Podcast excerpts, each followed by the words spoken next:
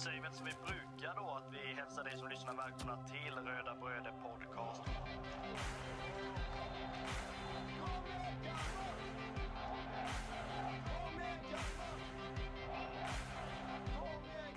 Vi är ju tre bröder som eh, driver en podcast som heter Röda Bröder Podcast.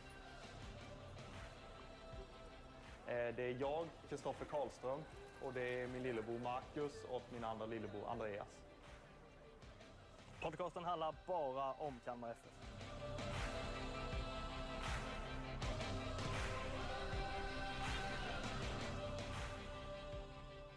Ja men känner er välkomna då eh, höll jag på att säga med tanke på att det här känns som den första segerpodden på, ja höll på att säga tio år, men tio matcher i alla fall.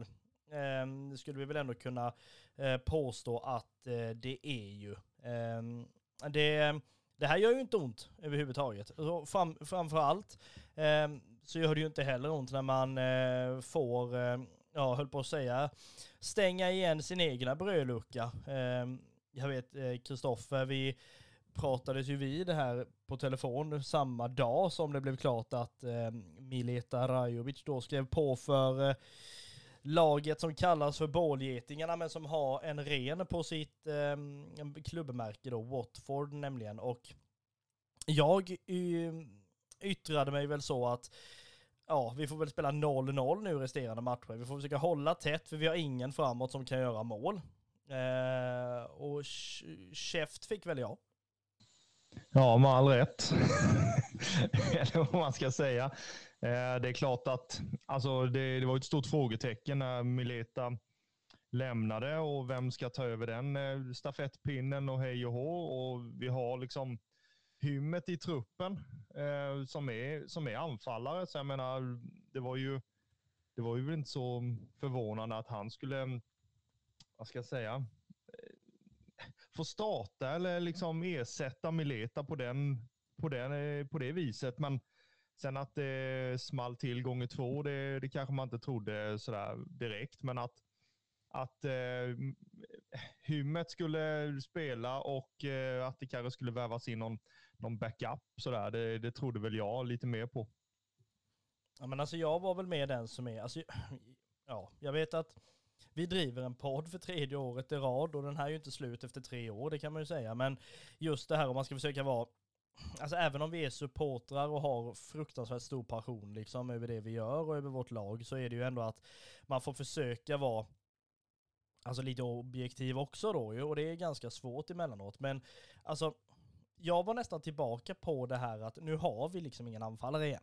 Alltså det som vi har tjatat om sen, sen liksom Marcus Antonsson försvann eller sen Ari såldes 2007 att liksom vi har ju ingen anfallare som kan göra mål längre. Och alltså det är klart att då blir man det blir ju väldigt platt liksom, när man håller på med de argumenten. Jag fattar det också. Men det kommer tillbaka till den där att vi har varit ett lag som haft svårt för att göra mål. Nu skickar vi, eller eh, får vi in en spelare som visar sig kan göra mål. Sen säljer vi honom nu då när han är lite småsval. Och det var, det var som jag sa till dig, då ska vi ersätta liksom vår halvsvala bästa anfallare med liksom ytterligare ett par Alltså spelare som ändå är ännu mer frysta liksom. För det, det, det händer ju ingenting framåt och så vidare. Och det är väl klart, jag menar hade jag stått med Dennis Hymmet efter matchen och han hade sagt det jävla fick du, då hade jag ju tagit det alla dagar i veckan. Det hade ju fått vara så liksom. Men det är ju, ibland ska man väl inte ha, inte ha för bråttom. Man vill ju ha alltså resultat direkt och liksom det så här och nu med jag menar att man vill ha in ny spelare och allt det där. Det är klart att man egentligen hade velat se, eller någon del utav en vill ju naturligtvis se att okej, okay, vi, alltså ja, det slutade väl på så här 23-24 miljoner någonting och Kalmar kanske får, om vi bara leker med tanken, du vet ju inga exakta siffror, men säg att vi i alla fall får 15 av dem. Eller någonting, jag vet inte riktigt hur det, hur det ser ut. Men säg bara att vi leker med tanken att vi får 15 av dem. Det är klart att man inte hade haft något problem att sätta liksom 10 miljoner på en ny anfallare då. Men det är ju det är också så här ett lotteri. Det har vi ju sett med andra spelare, att bara för att de har kostat mycket eller liksom Lex Maxwell då har näsa för mål ett mål så är det ju liksom inte det är ju inte ristat i någon form av sten överhuvudtaget. Um, och när det då kommer nu då de här dagarna att ja, man kollar ju på sina alternativ men man kanske nu eh, mer eller mindre inte kommer plocka in någon då. Eh, utan man ska förlita sig på de eh, offensiva spelarna man har. Det är klart att Alltså man får ju lita på det. Man är ju så liksom cynisk i sitt, eh, alltså i sin eh, supportergärning höll jag på att säga. Men samtidigt så, eh, jag vet inte, jag kan inte låta bli att bara liksom känna så här, fast alltså någonting mer. Jag menar det är ju nästan som att, alltså förstå mig rätt, men det är ju nästan som att vi hade kunnat känna att vi hade inte ens behövt ha Rajovic med tanke på att det här laget är ju inte, alltså är ju komplett i alla fall då. Ja, men det, det är det ju inte egentligen. Eh, men jag tycker att man, man eh, alltså in Jörgen we trust liksom. Ja, jag tycker att han, att han har gjort eh, ett jättefint jobb hittills och jag menar han, han vet vad han håller på med. Så alltså min tilltro till Jörgen är väldigt hög och alltså grejen är att det, det ska liksom inte panikvävas någonting och i synnerhet inte nu efter att Hymmet har visat att han eh, kan axla den här rollen och, och ja, stänka in bollar både till höger och vänster. Och, och det verkar som att han har hittat ett, ett eh, ganska fint samarbete också med till exempel Skrabb och eh, Chamoun som eh, jag tycker att vi ska fortsätta bygga vidare på. Ehm, sen är det klart att man, alltså, alltså man har ju spelat Fifa och FM och allt möjligt och det är klart att man vill ha eh, vad ska jag säga, täckning på alla positioner. Nu kanske man är lite tunn på alltså mittbacksidan till exempel. Man har Sätra, Sjöstedt eh, och sen Ronny Jansson. Sen är det klart att Olafsson kan spela mittback. Eh, Arash spelade mittback i U21-matchen här sist. Och jag menar, alltså det finns täckning sådär, men sen, sen eh, hoppas jag väl att det ska lyftas upp när U19-spelare på på, på heltid egentligen. Så att eh, man kan se lite framtidstro på, på det viset också. Sen eh, anfallsbiten. Ja, alltså man hade kunnat, eller jag hade kunnat tänka mig att vi, att vi kunde plockat in någon, alltså lite mer långsiktig inhoppare, anfallare. Liksom. Att, eh, för jag menar, Ylletupa han är ju så fryst så att det, det finns ju inte. Liksom. Och vem, vem slänger vi in alltså som nia i, på det viset. Det, det kommer bli att vi spelar på ett annat vis, att man kanske slänger upp eh, Eh, ja, skrabb i den rollen, att det blir någon helt annan ehm, utom att slå långbollar på. Liksom. Men ja, jag sammanfattat så, så tycker jag väl att det är klokt att inte stressa iväg de här pengarna vi har fått in, utan man liksom återinvesterar det på ett, på ett långsiktigt och, och tryggt sätt. Ja, nej, men, ursäkta. Nej men alltså överlag är det väl så naturligtvis man, man ändå tänker, men samtidigt så kan jag Alltså jag vet, ja, nej, alltså på, på något sätt så känner jag väl också det här att Alltså det, det som, alltså ni, ni, ni som var med när det var, alltså, eller som gillar den engelska fotbollen, jag gillar jättemycket engelska fotbollen och där är nästan, eller det har varit så i alla fall, att på något sätt så ska du, i alla fall historiskt sett, ha alltså en riktig striker liksom längst fram. Och det är ju klart att, alltså det, har du någon du ska skicka upp bollar på, det är den som på något sätt liksom ska ja, men producera målen. Det blir ju en väldig press på den spelaren om han nu inte presterar liksom. Det var ju så det var nu med Rajovic. Det bubblade ju lite smått när han inte presterade under ett par matcher liksom och sådär. Och då är väl det här maskineriet någonting man egentligen vill åt, att det är inte bara en spelare, utan vi ska ha väldigt många spelare som kan göra mål och kan producera. Och det är väl det man nästan nu då får, alltså, får lita på att när Rajovic då, vår alltså stjärna som vi har haft nu då, försvinner så får andra kliva fram. Och det ser vi i matchen mot BP som vi strax ska komma in på. Men som du säger, Hymmet gör två mål, Skrabb spelar fram bra, Chamon gör på sitt sätt. Men vi har ju ingen, alltså direkt spelare som är den här alltså nian-rollen som, ja, men som Rajovic har varit. Eh, i alla fall. Och vi har ju ändå två spelare som nu är utlånade samtidigt. Vi har Edvin Krona utlånad. Nu vet jag ju inte alltså, ja, vilken alltså, rangordning han är på överhuvudtaget när det gäller det här. Eller om det är ett alternativ att plocka hem. Eh, likadant med eh, ja, YCCs favorit Isak Bjerkebo, liksom att få hem honom då liksom nu. Det hade man ju ändå det här att om det är så att men det, det, behövs liksom en spelare hem eller någon blir skadad eller någonting så ska ju Bjärkebo kunna liksom återkallas. Um, och sådär, det är väl, så det är klart, täckning finns ju men jag menar, finns kvaliteten i den täckningen då? Eller är det bara en gubbe, stå, gör inte fel? Sen så tycker jag inte man ska alltså, se Hymmet som en exakt kopia av Mileta eller jämföra honom, för det är två helt, helt skilda spelare. Och när, när Hymmet spelar nia och eh, Mileta spelar nia, det har ju sett lite olika ut. Ju, för att, eh, Mileta är ju den som, alltså han är ju en target, eh, bra på att hålla bort motståndarna, plus att han är duktig i djupled också. Eh, Hymmet vill ju gärna komma ner och kombinera och vara lite mer Oliver Berg-roll. Eh, och ja, kombinera, komma ner, hämta boll, eh, fördela liksom. Eh, och vara lite mer delaktig i, i spelet eh, än vad kanske Rajovic har varit på det viset. För han, alltså, vissa matcher så, så ska han gå i djupled och vissa matcher så ska han vara en target. Men jag tror att alltså, Hymmet kan ju han, alltså han kan ju behärska de grejerna också, men det är ju inte hans styrkor i, i, alltså i det spelet. så, Utan han är ju den som kan komma ner, eh, göra sin gubbe, avsluta, eh, fördela bollar.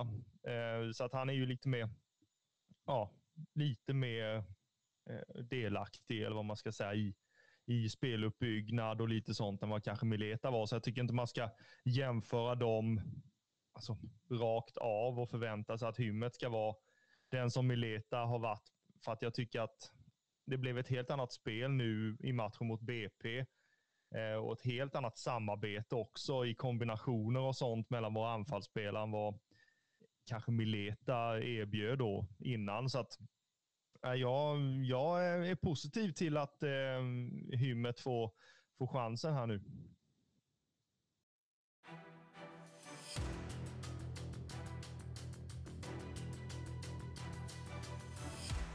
dyker väl ner då i eh, matchen på Grimsta IP som sågs av ja, mer eller mindre fyra programblad och en termos kan man ju säga. Det är ju inte så att det var alltså under tusentalet. Vad fan är det?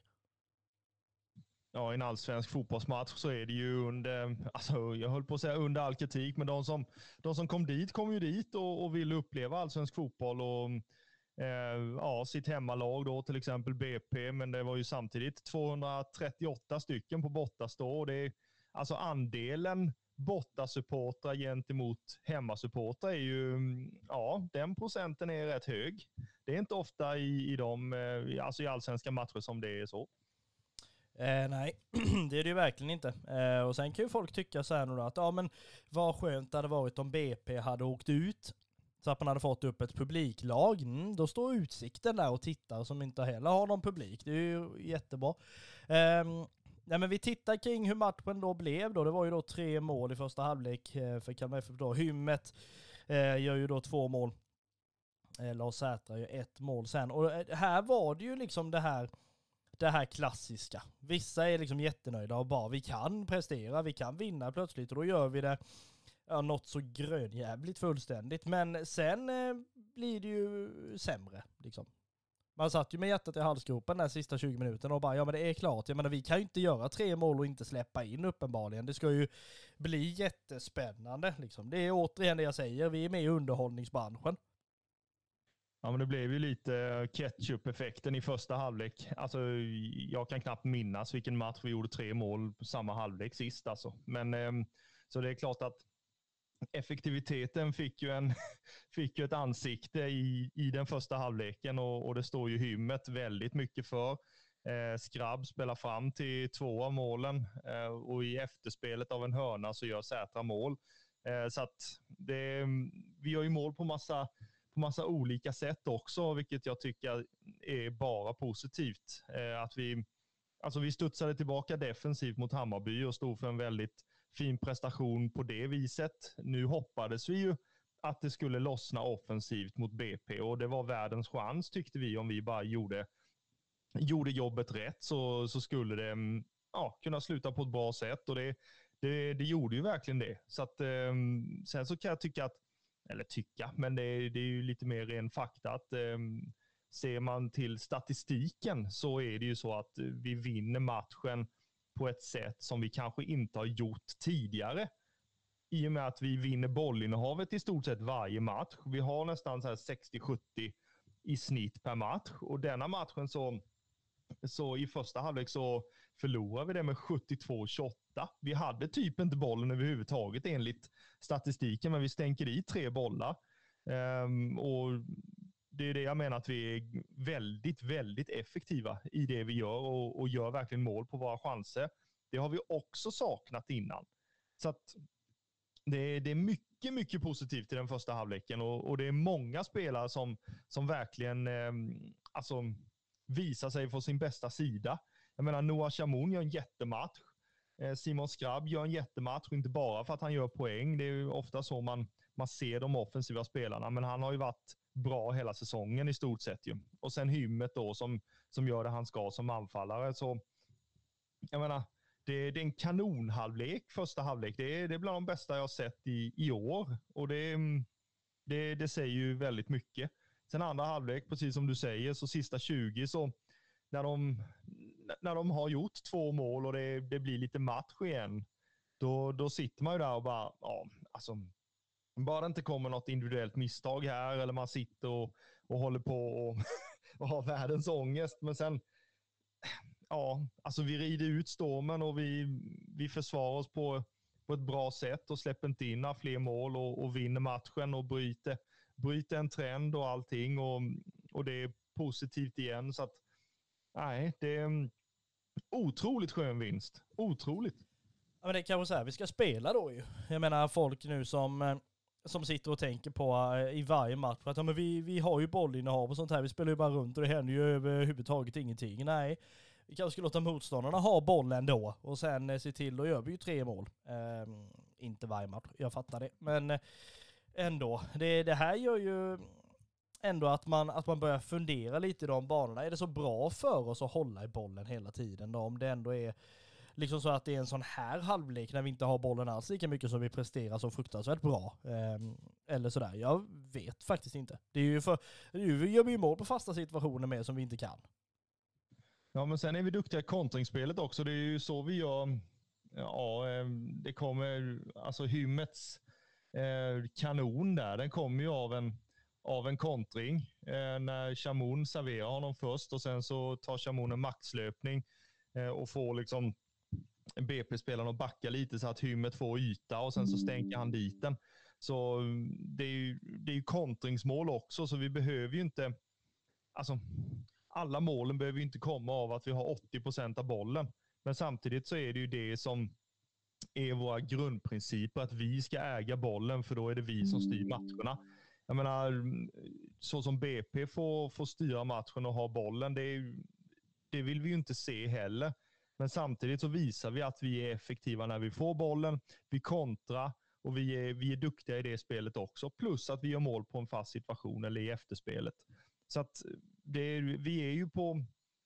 Alltså det var många som, som tyckte att vi överpresterade under våren och sen så har, vi, har verkligheten kommit ikapp efter uppehållet och, och alla de här Facebook-trollen eh, som man bara blir tokig på. Liksom har vaknat till liv och sen så nu så gör vi tre mål. Pang, pang, pang och vi vinner och ehm, det ser bra ut.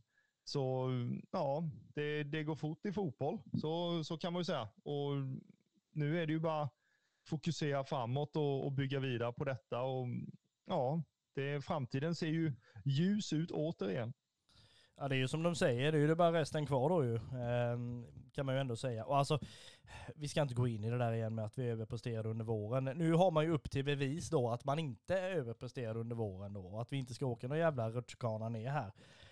eh, I tabellen eller sådär. Eh, eller så. Men eh, man kan väl ändå säga att, alltså BP, det här tänkte jag på när jag väl såg matchen, att alltså BP på något sätt, i början var ju det när de väl var uppe då, så var ju det en liksom alltså enkel, hyfsat enkel motståndare tyckte vi i alla fall från sidan. Och det var liksom, alltså du behövde inte gå dit. Alltså det var att sitta hemma, tippa liksom en etta till minusodds och sen var det liksom bara färdigt. Men nu har det ju plötsligt blivit så att alltså det är ett jobbigt lag att möta. Det är ett lag som ändå alltså, har gjort livet surt för väldigt många andra lag och som nu då plötsligt inte ska åka någon liksom eh, ja, rutschkana återigen ner då, eh, utan kanske till och med vara kvar nästa år. Och det vet man ju inte vad man tycker riktigt.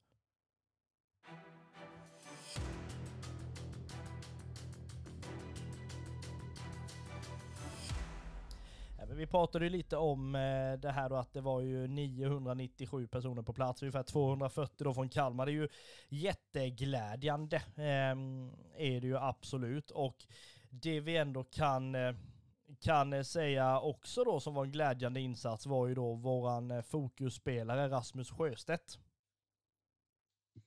Ja, han spelade ju på sprutor sist mot, eh, mot Hammarby och, och, ställde upp för laget. Eh, och jag tycker att han, han står ju för en fin insats återigen. Eh, och jag tror väl inte att, alltså jag vet inte om hans fot är, är helt bra eller sådär, men, men eh, ja, han och Sätra gör ju det de, gör ju det de ska tycker jag.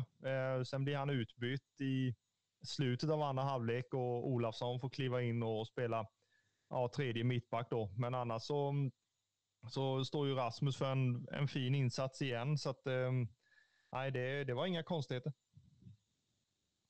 Nej, verkligen inte. Och eh, den som eh, vi kan nämna då som eh, matchens röda brödespelare är ju Dennis Hymmet och det behövs väl ingen längre egentligen utläggning för varför. Eh, gör ju två väldigt fina mål. Ett, ett friläge och sen en eh, alltså projektil verkligen. eh, där han visar att han, han är liksom, ja vad heter det? Det finns kvalitet i de fötterna också. Ja, men vi, alltså det målsnittet han har, han har nio starter, han har gjort sex mål. Det är väldigt bra statistik sett till hur lite han har spelat egentligen. Alltså han har ju fått hoppa in mycket eh, och, och de matcherna han har startat så har han ju startat till, till vänster då om Mileta och, och kanske inte fått det, det utrymmet som, som han kanske har behövt för att vara sig själv. Eh, nu så är det han som är den eh, klarast lysande alfan, anfallsstjärnan och, och, är den som ska stänka dit bollarna. Och det, det gör han ju verkligen. Eh, och vi har ju sett att han, att han kan skjuta. Han har ju grymt skott. Så att, ehm, det, han ska bara fortsätta och, och våga skjuta också. För det, vi har ju efterlyst det att ehm, vi vill att spelarna ska ta mer avslut och inte bara spela bollen hela tiden. Och till exempel Hallberg och Hymmet är ju skottvilliga människor, så det är ju bara att skjuta.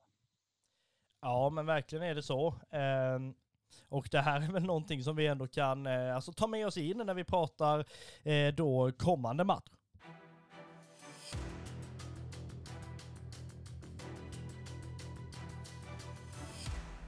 Vi vill eh, återigen ta den här reklamspotten till att tacka er som hjälpte till så att Röda Bröder kunde skicka iväg sin största beställning eh, hittills i alla fall måste vi säga eh, på merchandise då. Vi fick meddelande idag, eh, tisdag 29, att de här lådorna som det nu blev med eh, alla tröjor som ska levereras till fina rödvita supportrar, de, de lådorna ligger på en lastbil och är på väg. Eh, så att har vi tur med eh, allt vad det innebär så har vi Eh, en himla massa tröjor att leverera under matchen på söndag mot Mjällby.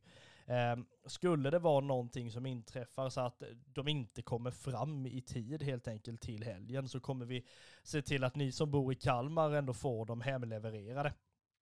Eh, istället. Så vi kommer alltså inte vänta till nästkommande match, utan försöka lösa det så istället. Men vi håller väl alla tummar och tår som det bara går för att vi i matchen mot Mjällby kommer kunna stå och dela ut tröjor till eh, alla glada och fina människor.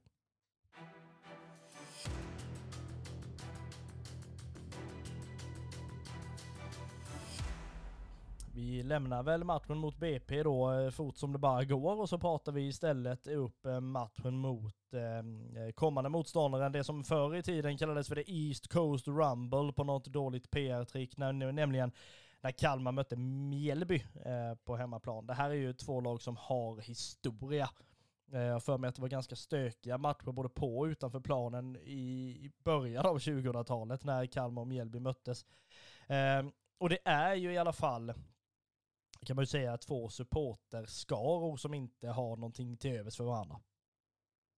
Nej, det har ju blivit en rivalitet eh, mellan de här två, två lagen och eh, ja, supportrarna också. Eh, det har blivit någon form av derbystämning trots att eh, alltså ställena ligger så pass långt ifrån varandra. Eh, så är det ju ändå så man, man ser på det. Eh, jag personligen ser ju Mjällby som vår alltså närmaste rival eh, just nu med tanke på att Öster inte behagar spela i finrummet än. Så ja, får vi nöja oss med Mjällby helt enkelt. Eh, sen har det ju blivit, alltså anledningen också tror jag att att det är på det viset är ju att vi har så fruktansvärt svårt för Mjällby. Det är alltså de här matcherna vi har spelat eh, sedan de klev upp i allsvenskan eh, har ju liksom, ja, Strandvallen vill man ju inte åka till. Det, så är det ju bara. För det, vi har det otroligt tufft där. Eh, och jag menar, jag tror inte vi har vunnit där än ju. Sen de gick upp i allsvenskan. Eh, och, och likadant hemma. Det, förra året så ja, fick vi stryk. Så att, ehm, nej, det, Mjällby är inget roligt lag att, att möta för oss, samtidigt som jag tycker att de här matcherna är, är roliga att, att titta på.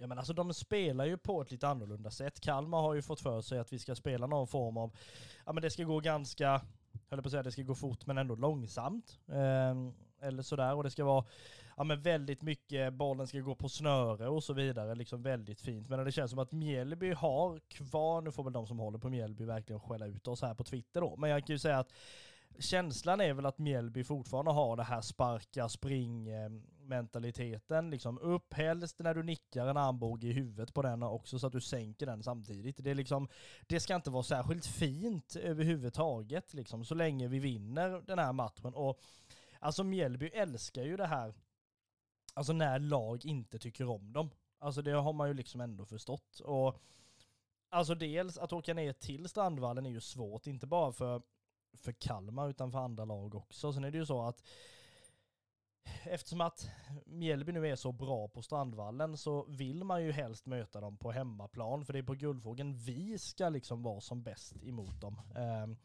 och det är ju någonting som de ska få känna på, men det är vi kan ju bara dra oss till minnes när vi var där senast, eh, när det ösregnade vid alla intervjuer vi gjorde och ja, vi knappt hittade ut. Eller det var då jag gick i den här eh, vindsnurran trots att det var eh, världens största ehm, eh, carport öppen höll jag på att säga. Men Alltså det var ju en match där man kände att vi var inte vakna överhuvudtaget. Mjällby spelade ut oss på ett visst sätt och sen fick vi alltså ett mål till skänks fullständigt. Eh, vilket gjorde att vi kunde kunde få med oss en poäng därifrån. Men det var ju inte ingen särskilt fin match, ingen vacker match och inte liksom åt något håll egentligen. Ehm, um, om man trodde att fan hälften av laget fortfarande var kvar i, i uppehållet liksom. Så att här nu inför den här matchen så är det ju alltså viktigt det här att rida vidare på den här vågen och då är det ju så när Mjällby, åttonde placerade Mjällby, eh, som de är, kommer och just nu har lite dålig form. Det är ju det här som är så farligt. Jag menar man lyckades vinna mot Malmö, man förlorade då mot Elfsborg som alla lag gör och sen förlorade man mot Hammarby då med 0-3 nu senast eh, på Strandvallen. Men alltså det är inte bra. Varför ska vi alltid möta lag som är i dålig form och så ska de få tillbaka sin form mot oss? Ja, lite så har det varit den här säsongen att eh, lag som har dålig trend har vänt den.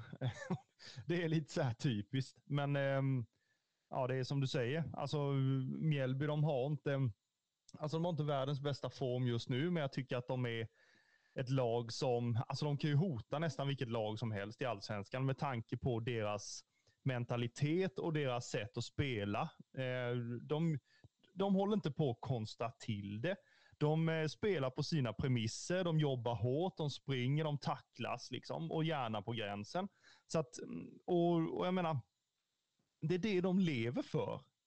Och det är det som man ska se till så att de inte får, får uppleva i sina matcher. Alltså du ska ju kväva det så pass grovt så att de inte får, alltså de ska inte ha en, en chans att gå in så tufft i duellerna. De ska inte ha en chans att kunna löpa ifrån oss. De ska inte ha en chans att att liksom få tag i bollen i sin höga press till exempel. Så att i vårt spel gäller det vad vi gör med bollen när vi har den. För vi kommer att äga den väldigt mycket på guldfågeln, det tror jag. Och om Mjällby kommer att vilja störa oss genom att pressa högt, tror jag i alla fall.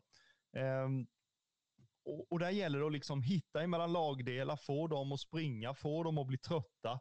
Eh, så att, och liksom flytta bollen hela tiden så att de inte får tag i den.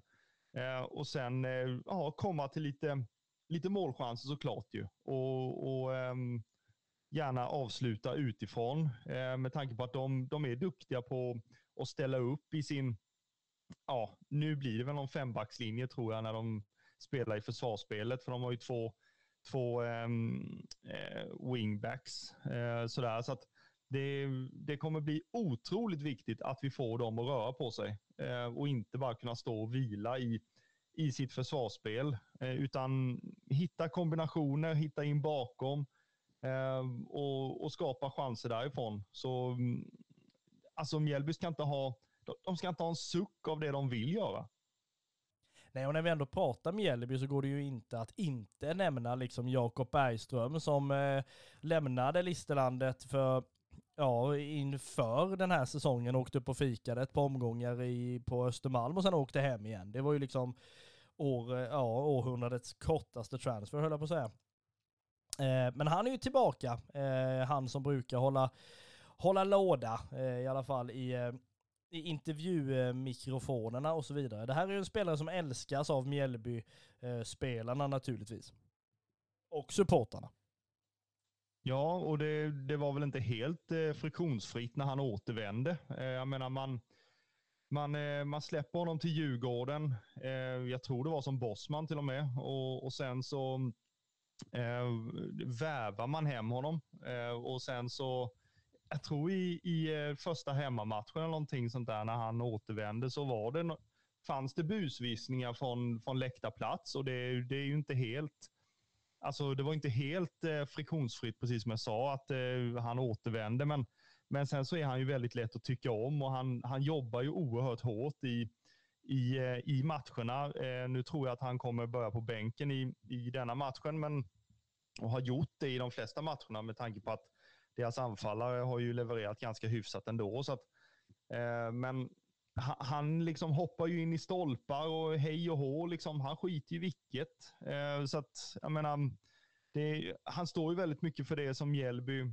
vill stå för och dess supportrar också och är en publikfavorit. Så att, eh, nej, jag, jag tycker att man ska liksom fokusera lite mer på honom i, i den här matchen när han kommer in då, för jag tror han blir inbytt. Eh, och det är därför jag har valt, eller vi har valt honom som, som fokusspelare i Mjällby, för att han är en så pass stor profil på Listerlandet och i Mjällby då i synnerhet. Ja, lite kort om Jakob Bergström. Det var inte helt hundra procent att han skulle till eh, Stockholm efter efter förra säsongen. Han var ju nära på att skriva på för Halmstad då, men det blev ju inte så. Eh, eller sådär. Men han är ju, som du säger då, värvad tillbaka. Eh, och en spelare där Mjällby vet verkligen vad de får eh, i den här spelaren. Och alltså en, en spelare som ja, men naturligtvis inte går in och tar en startplats, i alla fall inte från början. Och sen då, alltså förmodligen kommer att vara den som ska ha lite så här Sebastian Eriksson-roll eh, när han väl kommer in. Alltså reta upp allt och alla så mycket det bara går. Ehm, och så vidare liksom. Och det här är ju en spelare som man ändå får hålla lite koll på.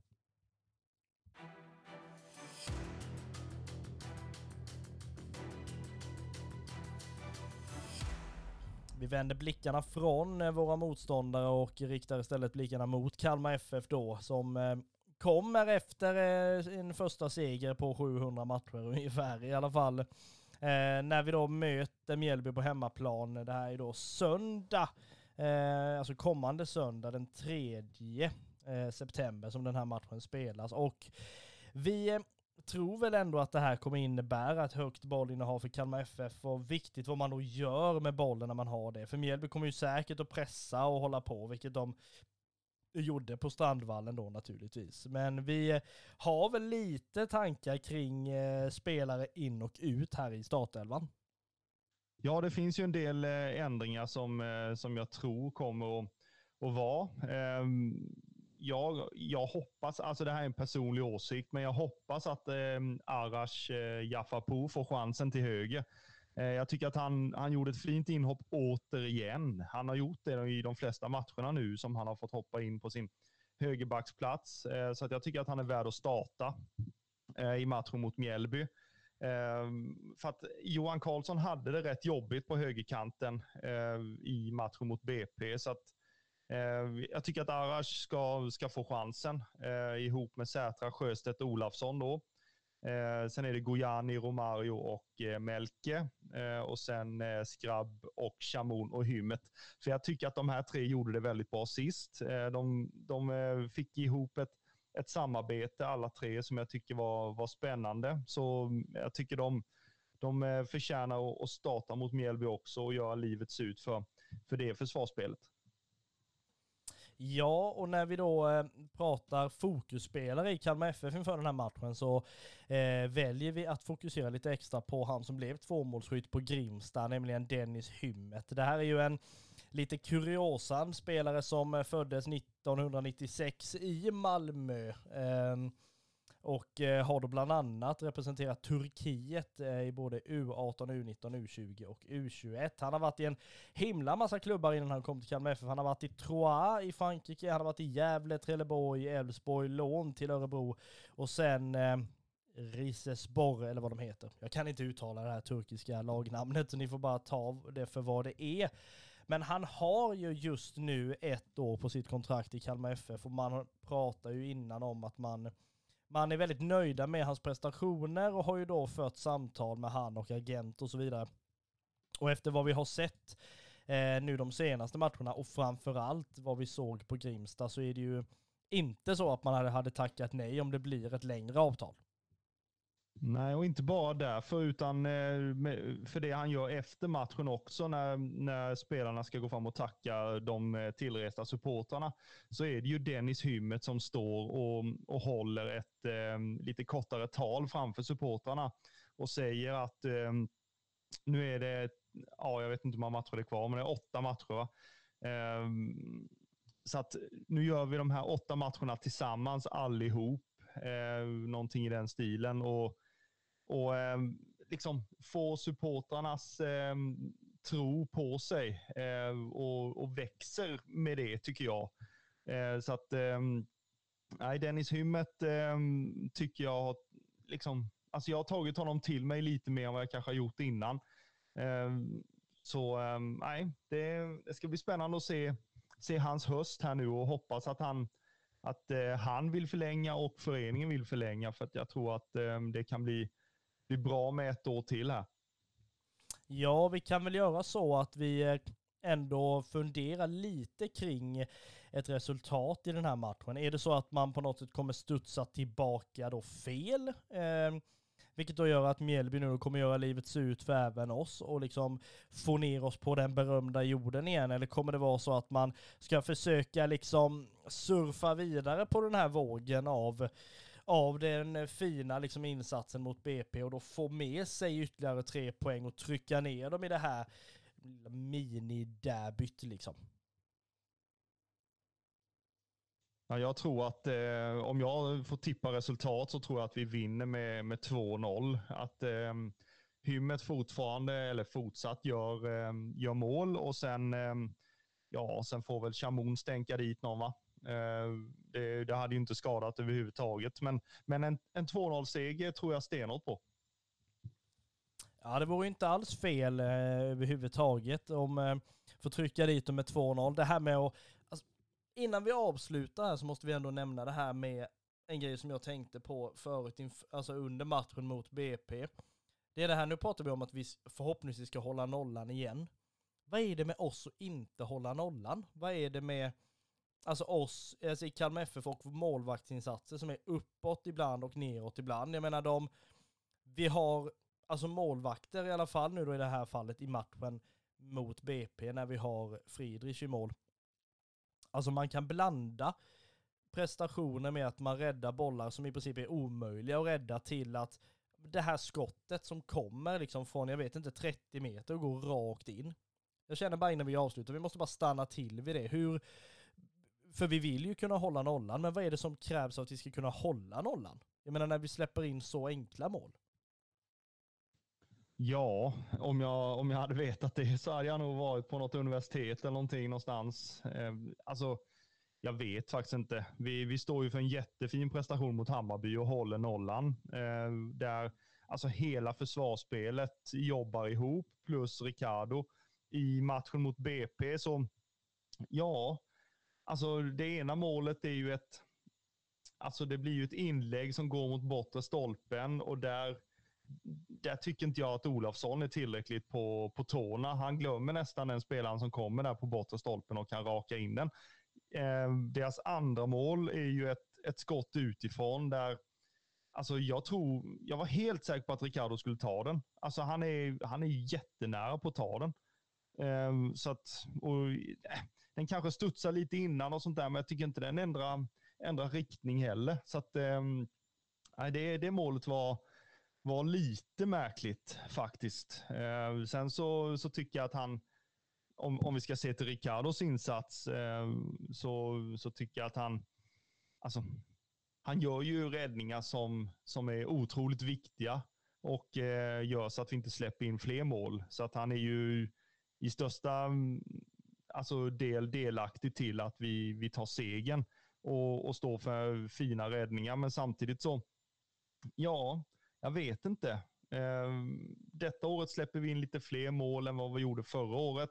Samtidigt så känns det som att vi gör fler mål detta året än vad vi gjorde förra året. Eh, så ja, jag vet inte. Jag har inget bra svar på det, men eh, det är väl någonting vi får fundera på efter matchen mot Mjällby om, om eh, vi skulle hålla nollan eller inte. Ja, vi får väl försöka hålla nollan i matchen mot Mjällby, sen kan vi återkomma i avsnittet efter och bara så ska vi göra. Just det, det var eh, eh, det vi har tänkt på. Um, nej, men alltså det är ju någonting man ändå, alltså gör man en bra prestation så vill man ju alltid ha någonting, alltså ytterligare, liksom, alltså någonting ännu bättre. Och det är klart att kan vi nu prestera och ändå vinna matcher då som vi gjorde mot BP, och så vidare. Och det är klart att man vill ha det här sista i alla fall. Att, men vad är det som gör att vi inte kan hålla nollan eh, i den matchen och så vidare. Eh, det här är någonting vi får prata med Henrik Jensen om i nästa eh, avsnitt. Eh, eller sådär, där vi ändå kan, kan fråga de här grejerna. Eh, och prata lite mer kring det. Men vi gör väl som vi brukar i slutet av de här avsnitten. Vi sammanfattar väl eh, avsnittet.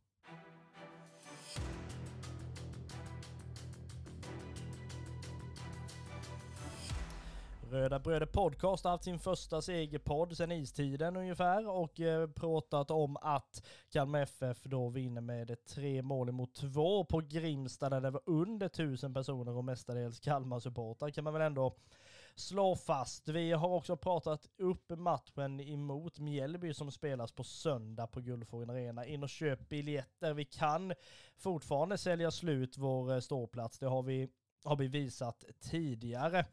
Vi har också funderat lite kring varför det är så att vi kan ibland i vissa matcher ha så svårt att hålla den här nollan, om det beror på slarv eller om det beror på andra liksom, omständigheter och så vidare. Sista innan vi avslutar med så är det ju att eh, våra tröjor som är eh, eh, producerade är också på väg nu till Kalmar och om allting går som det ska så kommer vi leverera det här på Guldfågeln Arena under matchen mot Mjällby. Eh, plats och så vidare kommer vi återkomma till för det är inte vi som drar i de spakarna riktigt vart vi eh, får vara helt enkelt eh, och göra det. Ehm, så det kommer vi återkomma med längre fram inför matchen. Håll koll på våra sociala medier på Instagram och Twitter så eh, kommer vi att komma ut med informationen där när vi har någon sådan. Vi är Röda Bröder Podcast. Vi återkommer efter matchen när Smålands Stolthet har vunnit mot Mjällby.